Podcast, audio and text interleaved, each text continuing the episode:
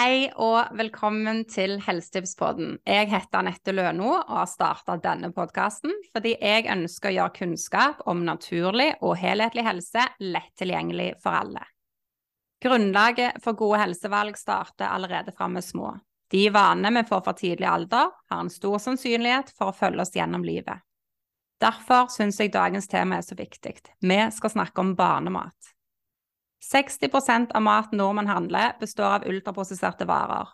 Og studier viser at høyt inntak av industrialisert mat gir økt risiko for en rekke helseplager og sykdommer. Voksne nordmenn i dag har i høy grad vokst opp på et mer råvarebasert kosthold. Men barna som vokser opp i dag, er utsatt for helt andre matvarer. Og hvordan skal vi forholde oss til det? Hva mat bør vi gi barna, og hva bør vi unngå? Jeg har stor forståelse for at dette kan være litt sensitivt. Jeg har likevel tro på at med god kunnskap vil vi kunne ta bedre helsevalg både for oss sjøl og barna våre. Jeg har sjøl små barn og har gitt dem f.eks. klemmeposer med barnesmoothie fra butikken, i god tro på at det har vært et godt alternativ. Det har nesten vært litt sjokkerende for meg å dypdykke i forskningen på ultraprosessert mat, og hvordan det kan påvirke helsa vår negativt. Det som òg er fint å lese, er at ved å velge et mer råvarebasert kosthold, så kan det gi god helsegevinst. Fram til nylig så var det få studier på ultraprosessert mat og barn. I 2022 da, så ble det fremlagt resultat på et av de første studiene som har sett på hva slags effekt ultraprosessert mat kan ha på den yngre generasjonen. Der framkom det at barn i alderen 3 til 5 år som hadde et høyt inntak av ultraprosessert mat, hadde dårligere motorikk enn andre, og ved 15-årsalderen var ungdommene i fysisk dårligere form. Som småbarnsmamma må jeg ærlig innrømme at jeg syns det er litt vanskelig. For barn de kan være kresne, vi kan ha dårlig tid, og maten som selges på butikken kan selges inn som et sunt alternativ selv om det ikke er det.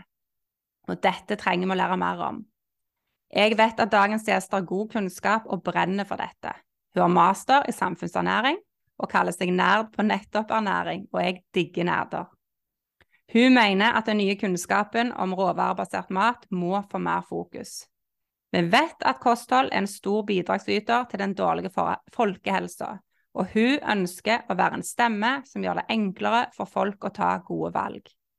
Det er en stor glede å ønske velkommen til Susann Stave. Hjertelig velkommen, Susann. Tusen takk, Anette. Det er så kjekt at du har lyst å være gjest i Helsetipspodden, fordi at jeg er helt sikker på, som jeg sa, at med mer og god kunnskap så blir det enklere å ta bedre valg for ungene våre. Så fortell litt om deg. Hva, hvordan jobber du, og hva jobber du som? Nei, jeg um, har jo en master i ernæring, samfunnsernæring, som du nevnte.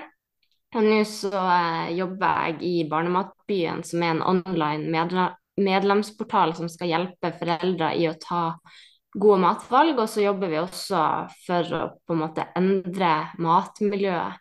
For vi ser jo at matmiljøet har endra seg mye, og at uh, vi spiser mye usunn mat, og at uh, det også er en kultur og en aksept for at den maten skal ha en ganske stor del i kostholdet vårt. Og så tror ikke jeg alle på en måte er klar over hvor, hvor uh, stor del det faktisk har, og hvor dårlig denne maten faktisk er for oss. Så vi jobber på en måte for å opplyse om disse temaene, og så snakke mye om hvordan man kan gjøre det bedre. da. Så vi, Fokuset vårt er jo da å støtte folk å ta de gode valgene, og legge til rette for at de skal være enkle å ta. da. Ja, og jeg er selv medlem i Barnematbyen. Og syns det er veldig kjekt å få den kunnskapen, men òg tips og råd på hvordan en um, kan forholde seg til det enklere òg. Og jeg vil tro at noen som lytter nå, lurer på ja, men hva er den der dårlige maten, og hva er ultraprosessert mat? For jeg tror òg noen faktisk ikke vet hva begrepet går ut på. Har du lyst til å forklare litt om det? Ja, det, er jo, det er jo flere måter å kategorisere maten på, og også innenfor det ultraprosessert mat. Eh, men det mest brukte klassifiseringssystemet, det som heter NOVA-klassifisering, altså med et sånt eh, system utvikla av noen brasilianske forskere. Og det er ikke et feilfritt system, eh, men de har Altså, jeg kan forklare systemet først, så kan jeg forklare litt om hva som Litt av kritikken mot det. Eh, så det, det er fire kategorier, da. Og det første er råvarer, minimalt prosessert mat. Og det er egentlig den maten som du finner den i naturen. Og den kan ha vært bearbeida på en måte, men ikke tilsatt noe. Du kan på en måte ha kutta det, eller kokt det, eller fryst det, men det har fortsatt eh, så å si den formen du finner det i naturen. Så det er eh, typ hele korn, det er bær, det er frukt, det er kjøtt, det er fisk i sin naturlige form osv. Um, og så har du Og da er det liksom kjøttstykker, det er ikke en, en hel sau, liksom. og så har du den kulinariske ingredienser, da, som er ingredienser vi bruker for å lage mat. Og det er nødvendigvis ikke sunne ingredienser. Det er sukker, det er salt, det er olje, det er fett osv. Så, videre. så det er liksom de ingrediensene vi bruker for å tilberede mat. Så der har du f.eks. olivenolje, som vi vet er er bra, men så har du òg sukker som nødvendigvis ikke er veldig bra, men som kan være med på å løfte på en måte retter du lager på ditt eget kjøkken. Og så har du eh, prosessert mat, eh, som er bearbeidet på en eller annen måte for å på en måte øke holdbarheten eller konservere for å ivareta maten på en eller annen måte. Så da har du eh, f.eks. Eh, sånn eh, mais, hermetikkmais, da, som er på en måte gjort noe med for at vi skal kunne bevare den maisen og kunne spise den. At det er litt mer ja, tilgjengelig, da, uten at du på en måte har ødelagt strukturen på matvaren på noen slags måte, for du har fortsatt de hele maiskornene. Og så har du det som er ultraprosessert mat. da, og Det er industrifremstilte matvarer. Du kan aldri lage ultraprosessert mat på ditt eget kjøkken.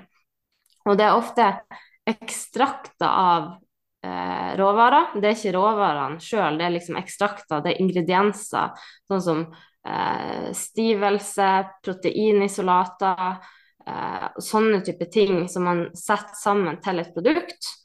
Og da, de produktene må du ofte tilsette aromastoffer eller kons eh, konsistensmidler. for at du, de produktene har ofte ikke en veldig god smak eller en konsistens som er spisende, så da må du ofte tilsette sånne kosmetiske tilsetningsstoffer for å få et spiselig produkt. Eh, så det, det, er mange sånne typer kjennetegn, men de, det er ofte at du har tatt et produkt, og så har du laga ingredienser av det som du igjen lager mat av. Og så bruker de ofte også Eh, produksjonsmetoder som man ikke kan benytte på sitt eget kjøkken.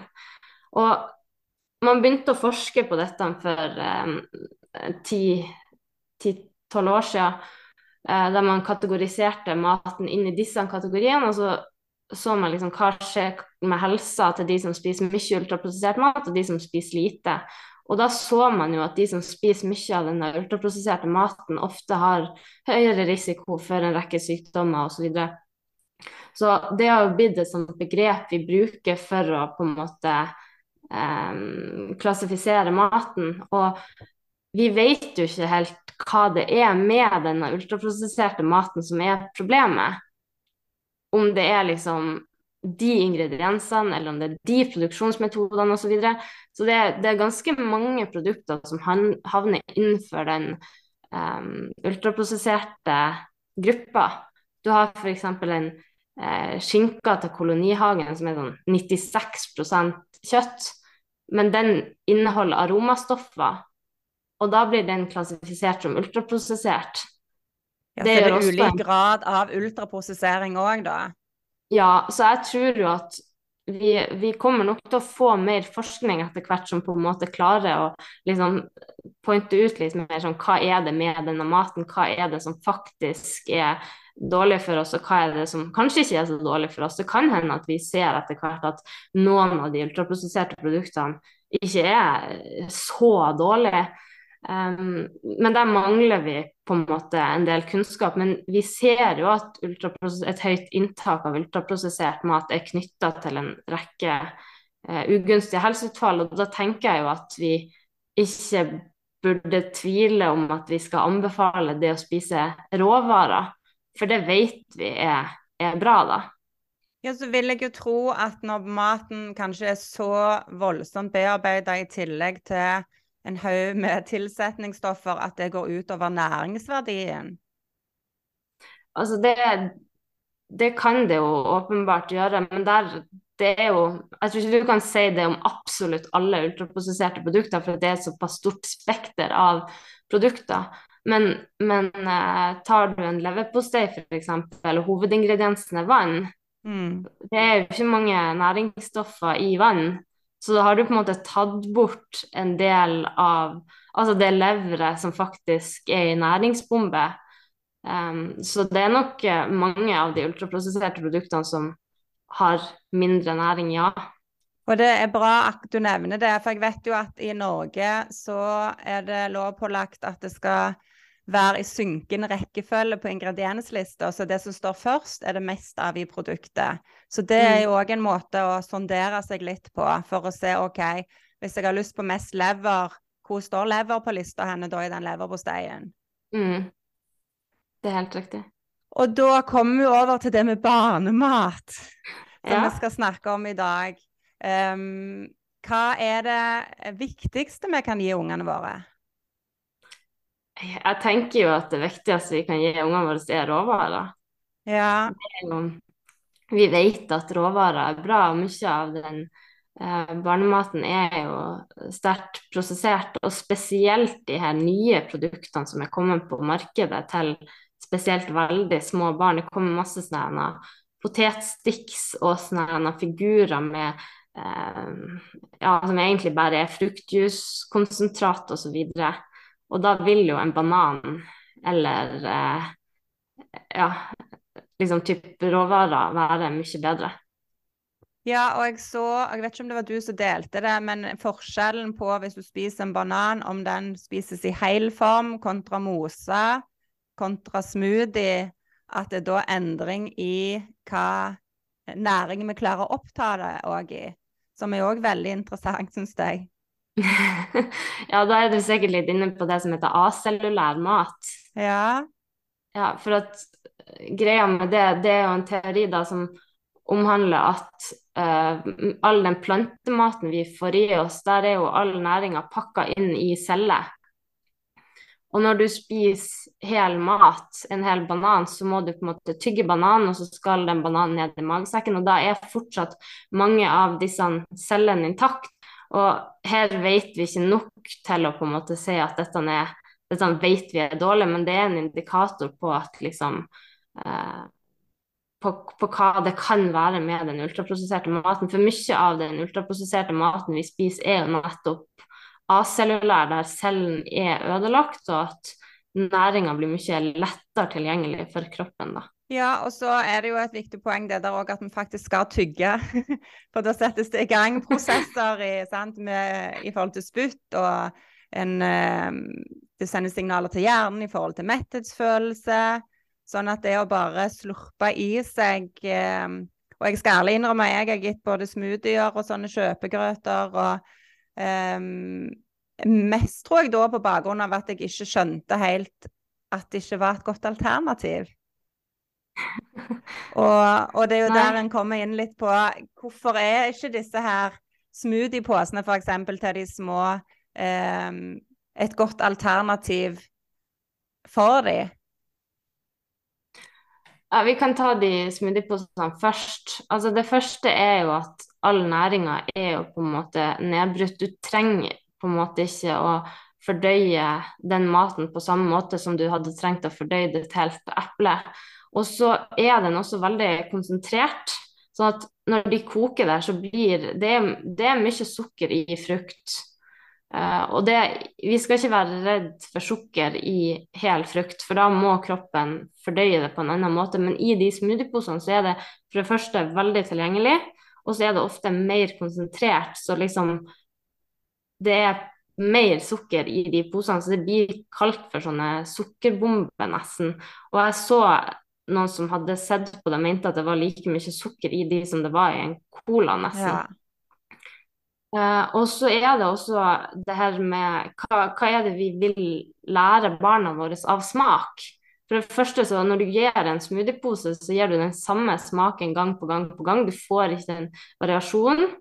Og så er det veldig lite konsistens, så barna lærer seg ikke den spisemotorikken. Og så er det også det at de produktene der er jo helt Altså de er, de er, kokt på en veldig, veldig høy varme, så det er ingen bakterier igjen i maten. Og det tror jeg også kan Altså vi trenger bakterier. Eh, og et eple tror jeg inneholder 1 million, nei, 100 millioner bakterier eller noe sånt. Og det er bakterier som mest sannsynlig spiller på lag med helsa vår, så de smoothieposene inneholder ingenting. Mm. Um, ja, ofte når vi snakker om bakterier, tror... så tenker en å, det er farlig med bakterier. Men det er jo et viktig poeng det du sier, at det er jo òg bakterier som vi virkelig trenger for å ha god helse. Ja. Uh, så de, de smoothieposene, jeg skjønner at det er et lett hverdagsprodukt. Og jeg, jeg har jo ikke barn sjøl, og jeg ser jo ikke at jeg aldri kommer til å kjøpe det. Um, men men jeg tror nok veldig mange bruker det i god tro om at dette er mm. sunt. Og så bruker de det veldig ofte.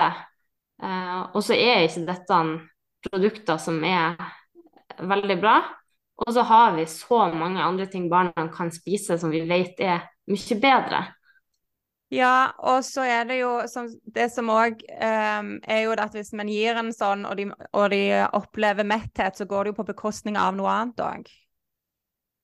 Mm. Ja, og da kommer vi òg litt på inn det med industrien som lager disse produktene. um, for det får meg til å tenke, hvorfor gjør de det? Um, ofte så har jeg hørt altså, fra matvarekjedene at de sier at vi gir de produktene som våre kunder vil ha, men uh, vi blir jo i høy grad påvirka til å kjøpe det, og det står på samme avdeling som bleier og, og, og tørk og tutter og det blir eh, ja, helt tydelig solgt inn som at dette er et bra alternativ til ditt barn. Mm. Ja, da vil jo jeg diskutere høna eller ja. egget. For det er liksom Ja, de, de eh, selger de produktene det er etterspørsel etter. Men da kan jeg stille spørsmål hvem er det som skaper den etterspørselen? Nettopp. Er det forbrukeren, eller er det industrien? Og tar du mellombar som et eksempel, så mener jeg har sett tall på at én av tre barn eller noe sånt har mellombar i matpakken sin. Eh, så det er jo helt klart etterspørsel etter det, men det var det ikke for ti år siden. Nei. Det var ingen som etterspurte mellombar. Nei, og det, det er jo reklame i alle busskur og alle ja, TV-reklamer og sånn at det, eh, det er klart at eh, jeg syns det er tydelig at noen skaper det behovet, og det er jo markedsføringen av disse produktene. Ja. Så jeg tror nok det er jo helt klart en etterspørsel etter dem, men, men uh, jeg tror nok industrien er veldig med på å skape den etterspørselen. Ja, og det er jo òg sånn sant, med hjemmelaga mat og næringstetthet og hva er bra å gi ungene våre da? F.eks. til frokost. Nei, altså jeg tenker jo råvarer eh, så langt det går, og den maten vi, vi, vi tenker liksom at barn skal ha liksom sin egen mat. Det begrepet barnemat syns jeg egentlig er litt dårlig, for det er jo også et begrep vi som mennesker har skapt. Det er jo ingenting fra naturens side som sier at barn skal ha sin egen mat. Eh, så det vi ofte gjør, er jo denne kjøpegrøten og de middagsglassene og og de her mellommåltidsproduktene som er kommet i butikk. da. Og jeg tror nok mye av det også er kommet fordi at industrien spiller på foreldrene sin usikkerhet, fordi at vi vet at barn har, spesielt små barn, har et høyt behov for næringstett mat. Eh, og da spiller industrien på typ jern og salt. Altså barn skal ha mye jern og lite salt, og her har vi satt sammen et produkt som er perfekt.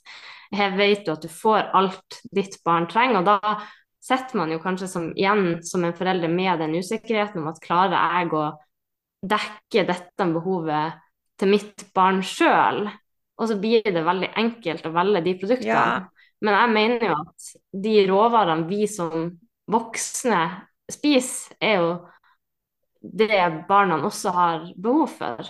Ja, og vi voksne òg trenger jo råvarebasert mat. ja. Det er ikke alle oss som um, Vi spiser mye ultraprosessert, vi også, så det er jo ikke det.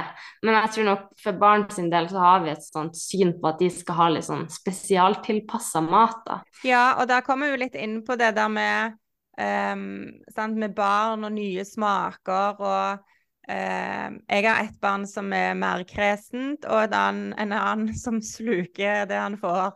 Sant? Og det er òg det der med eh, Som foreldre så i en travel hverdag kommer hjem fra jobb, og så tenker han OK, jeg gir for den maten de liker. Og så er jo nettopp den ultraprosesserte maten da eh, sammensatt med smaker som barn skal like. Og der kan det ja. være litt utfordrende. Hvordan lærer vi barn å like ny mat?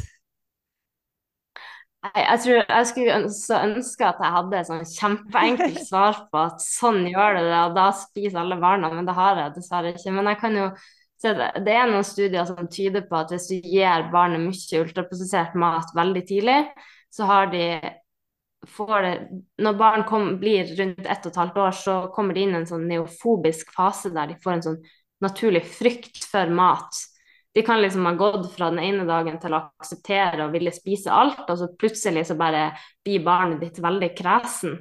Og det kan være noe at gulrota er skåret på en annen måte enn den var sist, eller at uh, brødet er kutta litt annerledes, eller at du har smurt på pålegget på en litt annen måte. Det trenger ikke være en frykt for ny mat, det kan være en frykt for den maten du allerede har gitt. Um, og Der har jeg sett studier som tyder på at den fasen der blir litt forverra, og også at barn kan bli mer kresen eh, hvis de får mye ultraprosessert mat eh, tidlig, da. Eh, så jeg tror nok at eh, barn ofte har en høyere aksept for den ultraprosesserte maten. Og så tror jeg vi glemmer litt at mat er noe som må læres. Mm. Barn må lære seg å like mat. Det er nødvendigvis ikke noe som er gjort på dagen, og det kan ta tid. Og det kan være slitsomt å stå i. Men vi har studier som viser at barn må på en måte smake på en matvare opp mot 15-20 ganger før de lærer seg å like den. Og det er ikke veldig fristende å kutte opp den brokkolien gang nummer 13 og liksom, du vet liksom at de tolv gangene tidligere så har barnet ditt bare nekta å spise det. Men det er Som forelder så tror jeg man må på en måte stå litt i det der, der. For gir du av den ultraprosesserte maten, så er det det de kommer til å ønske å spise. Ja, og det får meg faktisk å tenke på sånn evolusjonsmessig at det høres fornuftig ut for en grunn òg at vi rundt ettårsalderen får den kresenheten. Nettopp fordi at som ettåring så begynner du kanskje å gå og bevege deg rundt på egen hånd. At for å unngå å stappe alt i munnen som kan potensielt være giftig og farlig for deg, som tilbake i tidligere menneskealder, eh, så mm. skal mm. du velge kanskje det trygge, og så lærer du deg til nye smaker i trygge omgivelser for så å like det. Tenker du det kan være riktig? Ja. Jeg har hørt den teorien der uh, sjøl om at det er en sånn evolusjonsmessig overlevelsesmekanisme. Ja. For det er at det er da du begynner ja. å bevege deg rundt på egen hånd, at uh, du, uh, da skal du helst spise det som er trygt, som du kjenner fra før av, for å ikke få gi deg noe giftig som du sant, potensielt er livsfarlig. Ja, ikke sant. Nei, jeg tror nok det stemmer. Men for å gå tilbake på hva man kan gjøre, mm. da så tenker jeg at det å på en måte vite at det er en prosess, og at det tar tid, er noe man bare må ha eh, ganske langt frem i hodet. Og så må man aldri stoppe å tilby den maten du ønsker at barna dine skal spise. Den må være tilgjengelig, og du må tilby den, men man skal ikke presse barna til å spise. Mm. Um, og bare akseptere at det, det kan ta tid. Og så er det også det at det er ikke bare det med å liksom, barn skal lære seg å like den smaken. De skal akseptere maten, de skal bli trygge på den, og så skal de lære seg å like konsistensen. Så det, det, er ganske mange steg barna skal gjennom før de på en måte lærer seg å like. Mm. Og så er de jo trygge på den, for morsmelk, og den er jo søt, så det er jo en smak de gjenkjenner fra de Altså de, som de liker fra de kommer ut. Og derfor er jo det som er med Mm. sødme ofte oppfattes som tryggere, for det er det de får i starten. Ja. Og så er det jo et sånn Det å lære å spise noe helt nytt eh, For noen er jo sant, litt personlighetstype òg, der en 'Å, dette var spennende, hva er dette for noe?' Eller 'denne konsistensen har jeg aldri smakt før', mens andre kanskje føler seg utrygge. Så det òg å spise sammen Ja. som familie, der en der ungene òg ser hva foreldrene spiser, og ser at OK, de nyter den maten, og det ser trygt ut, kanskje jeg òg skal våge meg å smake litt. Ja. Nei, vi som voksne er gode rolle, eller er rollemodeller for barna, så de, de eh, ser det vi gjør, og de merker seg det, Mm. uten tvil. Men eh, så er det jo også sånn at um, fostervannet, når barn ligger i mors mage, så kan de på en måte smake maten mor har spist gjennom fostervannet. Eh, Så det at mor på en måte prøver å variere kostholdet sitt mens man er gravid, og så også gjennom morsmelk. Spennende. Ja. Smake, så eh, morsmelka kan smake ulikt avhengig av hva mor spiser eh, når eh, hun ammer. Eh, Så det er også kanskje litt greit å ha i bakhodet når man ja, det er godt å Eh. vite. For jeg tror nok ikke så En tenker gjerne ikke nødvendigvis at den morsmelka den har samme farge og gjerne ja, ser he helt lik ut, men at den faktisk har ulike smaker. Ja. Ja, og så er det jo det med, med barn, som jeg vet at dere er Barnematbyen, og du òg prater litt om, med, eller mye om med det med at vi er utsatt for så mye festmåltider og godteri og um, ja. Hva gjør vi da med at eh, sant, barnehagen har eh, eh, serverer godteri eller kanskje brus for første gang? Eh, vi har òg gjerne en foreldregen, eller besteforeldregenerasjon som tenker at de har omsorg med å, å gi kake eller is. Ehm, hva er lurt å tenke her, tenk, eh, tenker du? Nei, altså jeg tror det første er jo på en måte akseptere at vi bor i et samfunn der vi ikke kan kontrollere absolutt alle faktorene rundt oss. For at det Jeg tror folk lett kan bli stressa og sur og irritert når spesielt barna deres får servert mat de ikke ønsker de skal spise. Eh, og det er så mange fristelser og um, anledninger der barn får servert denne maten. Så hvis man hele tida skal gå rundt, så tror jeg det blir veldig slitsomt. Og så tror jeg man må skille mellom det man kan gjøre sjøl, og det man ikke har en kontroll over. Og så er det de tingene man kan gjøre sjøl. Prøve å se hva kan jeg gjøre for å forbedre situasjonen. Og hvis vi starter med besteforeldre, da, så kanskje man må sette seg ned og snakke med dem og forklare at liksom jeg skjønner at dere har lyst til å gi is når vi er her, men mitt barn får servert is og kake så mange ganger i løpet av ei uke. Så dette det handler ikke om at vi ikke vil ha, ha det når vi kommer hit, men det totale antallet anledninger blir rett og slett for mange.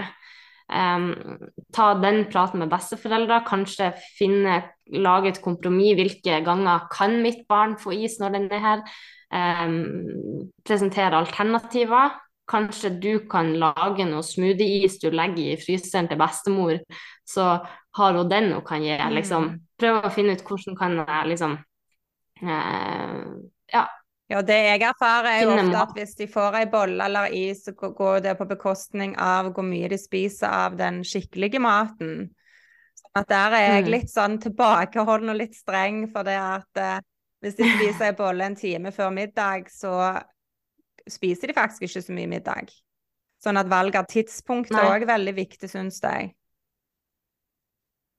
Ja, ikke sant. Og da går vi jo inn på det med kanskje med kresenhet, og at barn kanskje ikke vil spise den råvarebaserte maten. Hvis de hvis de nettopp har spist bolle, så er det kanskje ikke så, så rart. Nei, og så blir det jo mett av ei bolle. Og det er en liten magesekk. Ja. jeg tror vi glemmer også litt at barn er, er, så små som de er når vi gir dem eh, all denne søte maten. Ja. Men hvis vi hvis vi går tilbake på liksom hva man kan gjøre, så er det også liksom de arenaene du er en del av og ønsker at skal gjøre endringer. Prøv å snakke med de, prøv å snakke med de ansatte i barnehagen, eh, med idrettslaget osv.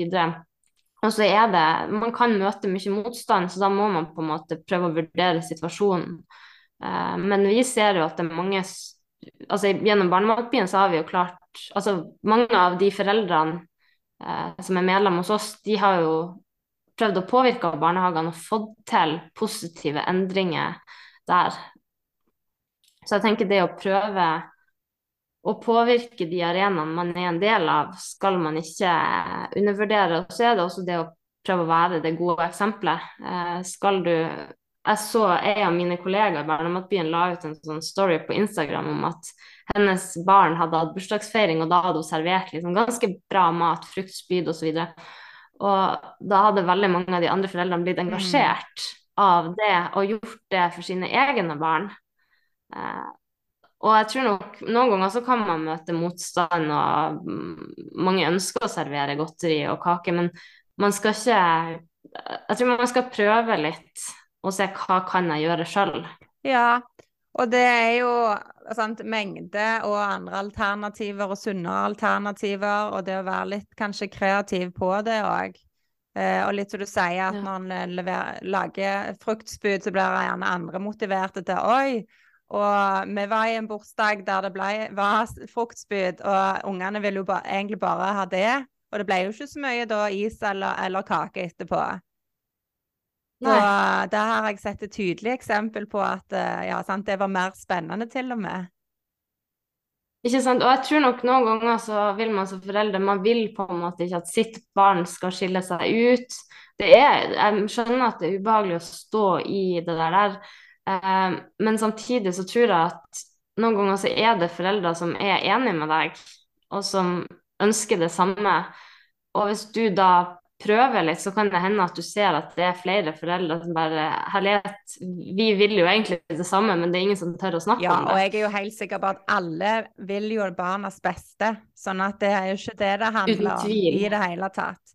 Og det er nettopp derfor jeg ville snakke om dette her òg, fordi at med litt mer kunnskap så kan det være enklere å ta noen bedre valg. Mm. Um, ja, jeg tror nok jeg tror nok både liksom altså de, alle, alle, vil jo det beste for både seg selv og de rundt seg. Så det handler jo rett og slett om, om kunnskap. Og sånn som i barnehage, da, at det handler om lav bemanning og at de er pressa på økonomi. Så det er liksom det er så mange faktorer rundt de, at vi tar de valgene vi tar, da. Ja, og da hva tenker du, eh, hva er ditt håp da framover? Av eh, Klarer vi, altså det som får meg til å tenke, klarer vi å påvirke matvareindustrien til å evne til å eh, markedsføre heller råvarebasert mat enn eh, den ultraprosesserte? Jeg vet jo, eh, ut fra det jeg leser meg opp, så tjener de jo mer penger på de produktene enn eh, en råvarebasert, så det er jo helt klart økonomi inne i bildet, og kanskje det som faktisk teller mest. Eh, jeg har jo et ønske om at vi skal kunne påvirke de til ta, at de tar bedre valg òg, som gjør at befolkningen generelt eh, har At det blir lettere for oss å kjøpe sunn og næringsrik mat. Altså, jeg tror nok det er ganske langt frem i tid at uh, matvareindustrien ikke markedsfører usunne produkter, bare markedsfører uh, sunne mm. produkter. Eh, det tror jeg Kan være et umulig ønske, men, eh, men, jeg tror først og fremst men, er det jo vi som er nødt til å kjøpe mer av de produktene. Ja, og man skal ikke, man skal ikke kimse av forbrukermakta. Den må bare være tydelig. og jeg tror Det er mange som, det nytter ikke at én person sier fra. Det må nok en, eh, en del folk og en del stemmer før det faktisk skjer endringer. Men vi ser jo at forbrukermakt har noe å si. Um, så, ja, et eksempel der er jo med Carganano, når det blir kutta ut det er hos de aller største aktørene, nettopp pga. at det er forbrukere og dere i Barnematbyen og flere som jobber for det. Sånn at det faktisk skjer endringer òg Mm. før det kommer noen regler fra f.eks. EØS. da. Så eh, det er fint Ja. å se at det er mulig. Ja, det er helt klart. Men så ser du også sånn som um, Jeg vet ikke om du har fått med deg den bollediskusjonen som går med han der Oskar, Nei. han TikTok. Det er jo en sånn TikTok-fyr. Jeg kjenner ikke til han så godt, men han er veldig, veldig stor på, på TikTok og har veldig mange følgere. Og nå har jo Bakhuset, som er under Norgesgruppen, valgt å bruke han i en sånn kampanje for å selge disse bollene som er fulle av sjokolade. Og de tror jeg kom ut på markedet i går eller i overgår, og de er altså de selges nå på Finn til 600 kroner bollen, for at de er utsolgt overalt. Og så man skal Altså, de bruker jo de virkemidlene de har for å på en måte selge. Samtidig gir det meg håp òg, for da er det jo muligheten til å bruke den forbrukermakten over i en positiv retning. Ja da, de har jo brukt eh, type idrettsstjerner og sånne ting. De brukte jo Marit Bjørgen i en sånn fiskekampanje som var ganske Ja. bra. Eh, så de, de gjør jo også masse bra. Men jeg tror nok at eh, de bruker virkemidler for at vi skal kjøpe mat.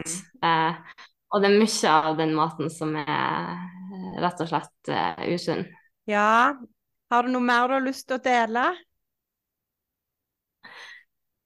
Ja, masse, men jeg vet ikke om For det, hvis vi skal er oppsummere litt òg, da. Hva mat er det vi skal servere ungene våre? Nei, det er jo råvarer, da. Og det var jo Eh, veldig tydelig.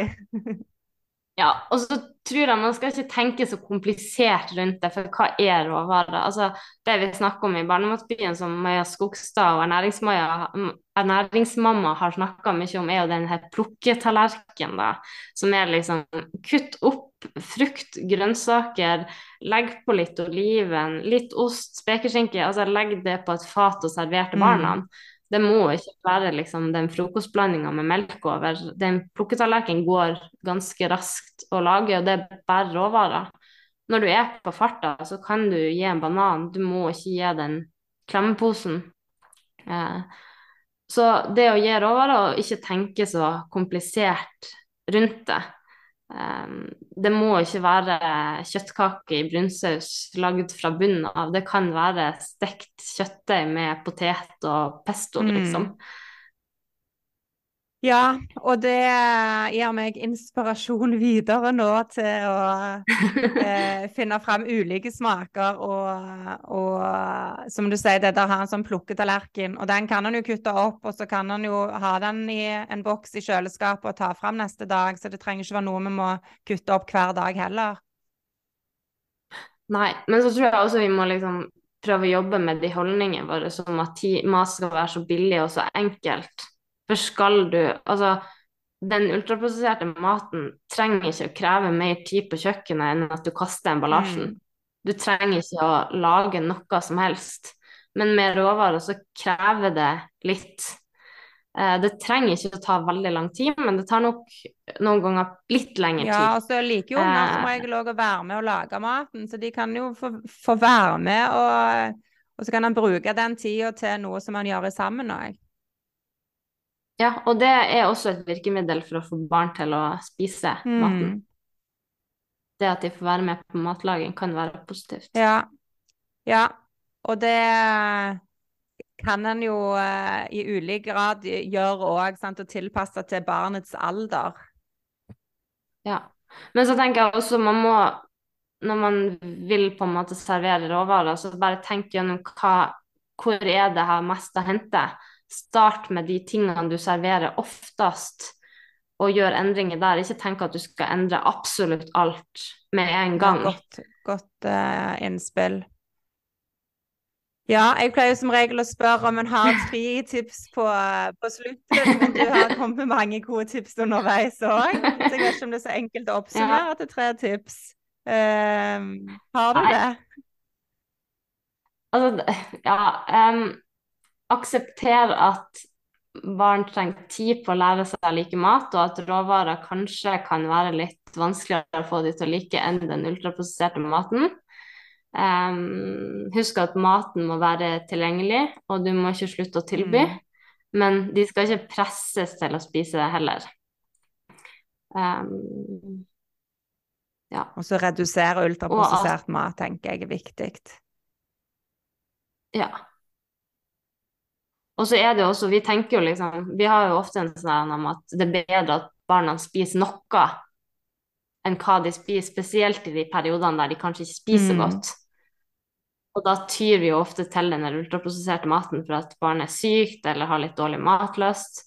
Men det er ofte et tegn på at de ikke trenger mat. ja, og der eh, føler jeg meg truffen, for meg litt sånn da at vi skal Nei, du får ikke gå fra bordet før du har spist fem skeier til, eller Og det er jo en sånn Akkurat det du sier der, er så viktig at uh, det går greit for de å vente sant, til de er klar. Mm. Så er jo gjerne det som er utfordringen litt med det moderne samfunnet, med at vi har faste spisetider, er jo at ikke alle barn nødvendigvis er sultne på det tidspunktet. Nei. Så det er liksom mitt siste tips, at la barna styre det matinntaket sitt litt sjøl. Ikke at du skal la de spise akkurat når de er sultne osv., men, men ikke, ikke, press i de mat og hva som helst av mat hvis du opplever at de ikke vil spise. Mm. Hvis de er friske og raske.